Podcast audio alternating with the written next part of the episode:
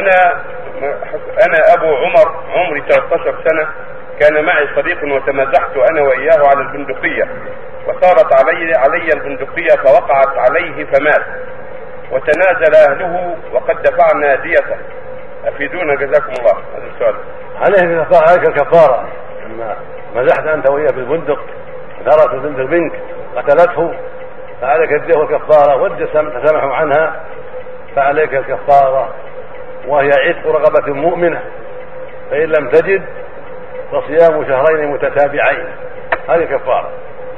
العتق أولا مع اليسر مع إذا تيسر فإن لم يتيسر العتق. وجبت الكفارة الثانية وهي صيام شهرين متتابعين.